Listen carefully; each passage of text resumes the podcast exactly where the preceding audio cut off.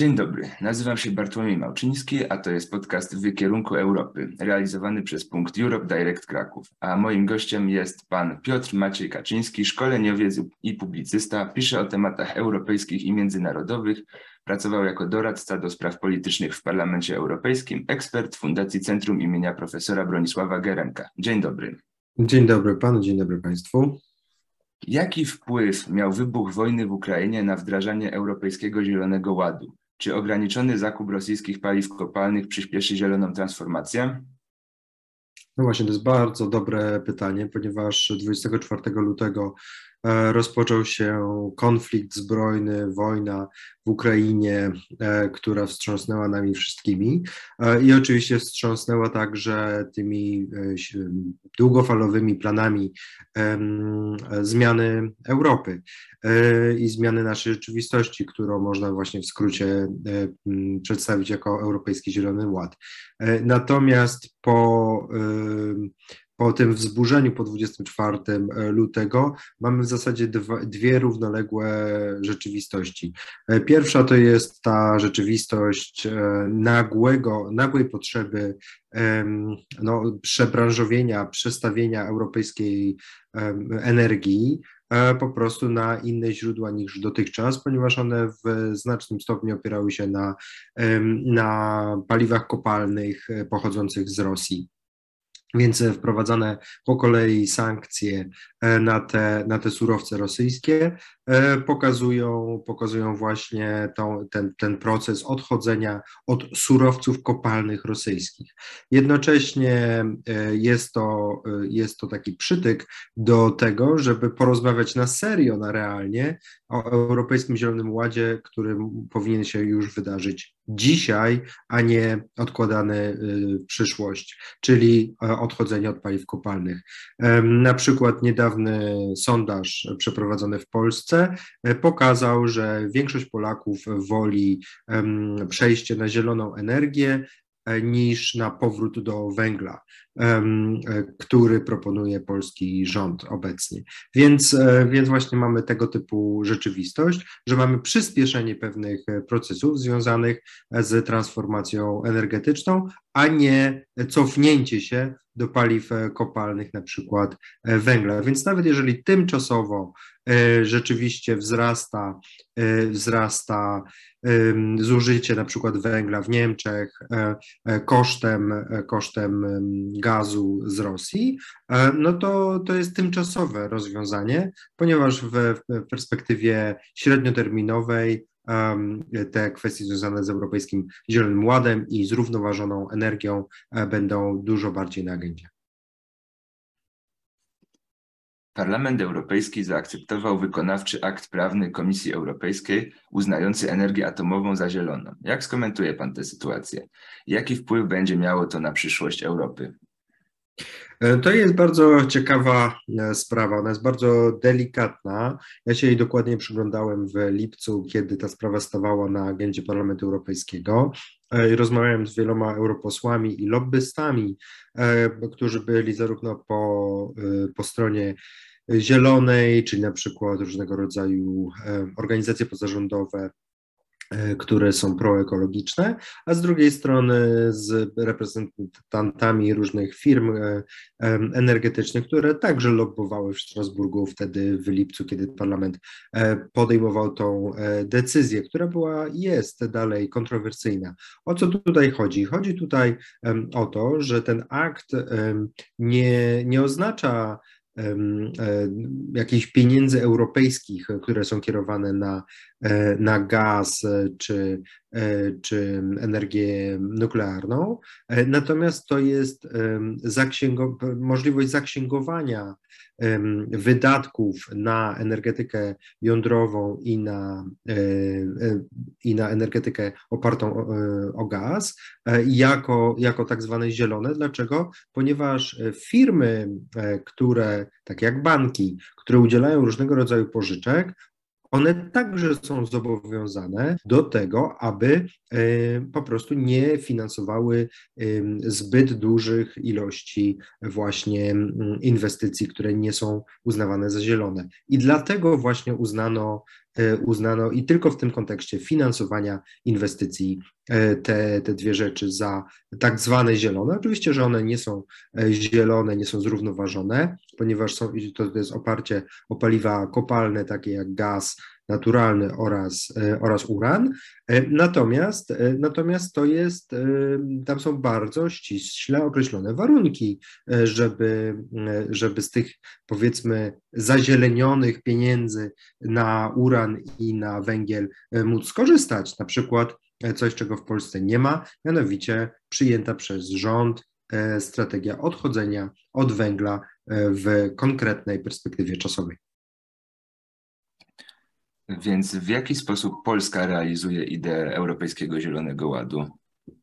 No, Polska jest e, opornym e, i co widać e, bardzo dobrze właśnie na przestrzeni ostatnich tygodni, kiedy widzimy, że zupełnie inaczej niż my dzisiaj rozmawiamy, rząd Rzeczypospolitej proponuje Polakom, którzy, którzy mają problemy z, zarówno z węglem, jak i z gazem, przynajmniej jeśli chodzi o ceny i dostępność, to polski rząd proponuje po prostu dopłaty do, do węgla.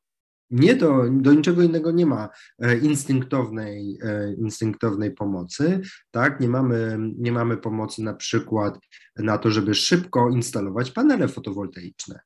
Moglibyśmy mieć e, na, na potęgę od wiosny do jesieni wiele, wiele miesięcy i wiele, wiele tygodni, żeby zainstalować duże ilości paneli fotowoltaicznych, chociażby w tych e, miejscach, e, które są, e, które mają no właśnie trudną sytuację, chociażby z racji tego, że są firmami, że są, że są to spółdzielnie gdzieś, gdzieś w Polsce lokalnej, które się dotychczas rozliczały ze spółkami gazowymi jako firmy, a nie jako, jako indywidualni odbiorcy. I, I czegoś takiego nie zaproponowano. Zaproponowano wyłącznie dopłaty e, dla osób, e, które ogrzewają swoje domy węglem, a i to jest właśnie przykład na to, że jednak e, polski rząd robi krok wstecz, a nie, a nie dwa kroki do przodu, jak, jak w innych miejscach w Europie, na przykład w Belgii rząd płaci za instalacje fotowoltaiczne w 100%, tak? Już nie trzeba nawet mieć żadnego wkładu własnego do takiej instalacji.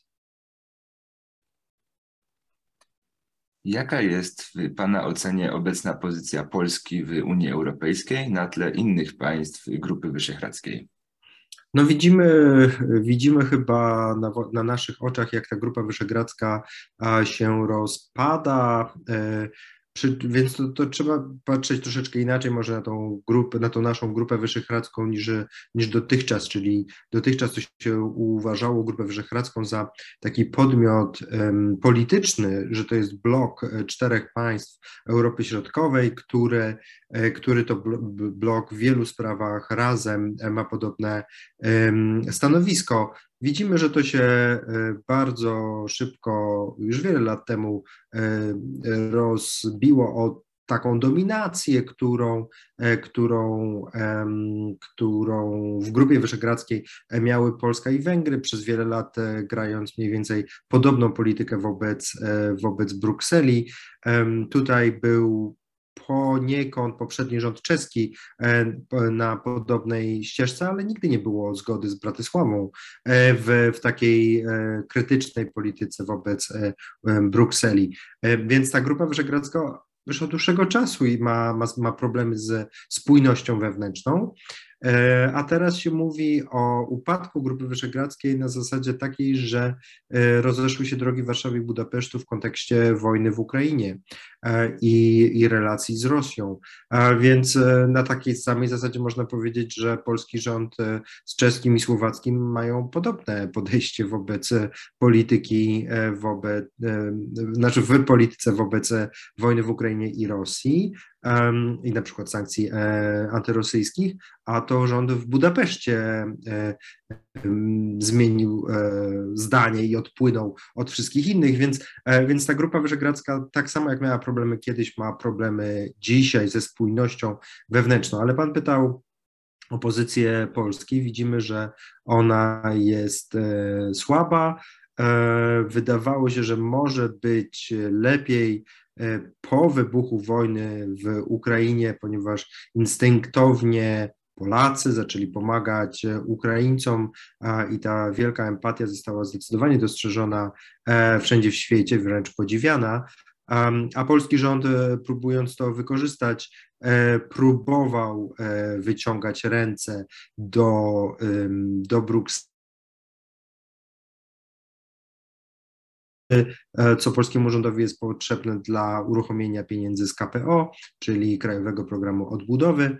E, I widzimy, że Polskie Ministerstwo Sprawiedliwości, Minister Sprawiedliwości i to środowisko polityczne wokół ministra Zbigniewa Ziobry e, jest zdecydowanie tym hamulcowym, jeśli chodzi o osiągnięcie nawet porozumienia. Tu nawet nie chodzi o, o, jakieś, o jakieś e, konkretnie naprawienie problemów związanych z praworządnością, bo ich jest dużo więcej. Tu nie chodzi tylko i wyłącznie o Izbę Dyscyplinarną, która została odwołana czy zmieniona w Polsce, ale na całą zasadę, jak jest powoływany e, KRS, czyli Krajowa Rada Sądownictwa. Więc tych problemów e, ponad to, o czym mówi e, von der Leyen czy Trybunał Sprawiedliwości jest więcej co do zasady, jeśli chodzi o praworządność. Ale nawet w tych, w tych, w tych punktach, które są znane jako kamienie milowe, polski rząd próbował się porozumieć. Mieliśmy próbę takie, taką w dobrej wierze e, ze strony Komisji Europejskiej i Rady Unii Europejskiej, które zaaprobowały ten, ten, ten krajowy program odbudowy. E, one zostały klepnięte, mówiąc e, E, takim spokojnym, ulicznym językiem e, przy, w Komisji i w Radzie Unii. No i się wydawało, że e, idziemy ku dobremu, tak? Tylko, że właśnie to Ministerstwo Sprawiedliwości i Solidarna Polska, to środowisko polityczne, zablokowało porządne reformy, czyli wprowadzenie kamieni milowych w, w, w kontekście praworządności. I to, i to nas wprowadzi dzisiaj E, do takiej sytuacji, gdzie mamy sekretarza generalnego partii rządzącej Prawo i Sprawiedliwość, który mówi e, w tym tygodniu e, o, no wręcz o ząb za ząb, strategii ząb za ząb, którą ma niby prowadzić polski rząd wobec Brukseli, czyli to już jest takie na ostro, bo to jest zapowiedź wetowania rzeczy niezwiązanych y, z e, polskim interesem e, narodowym, e, tylko dlatego, że jest wymagana jednomyślność, głosowanie przeciw, nie dlatego, że coś nie leży w interesie Rzeczypospolitej, tylko dlatego, żeby komuś napsuć krwi. E, no cóż, to jest złamanie, jedne, to byłoby złamanie jednej z zasad e, unijnych, czyli, e, czyli działania w dobrej wierze i ku dobru wspólnemu, więc być może jest to ostry komentarz ze strony sekretarza generalnego, ale także przewodniczącego tej partii w ciągu ostatnich dni.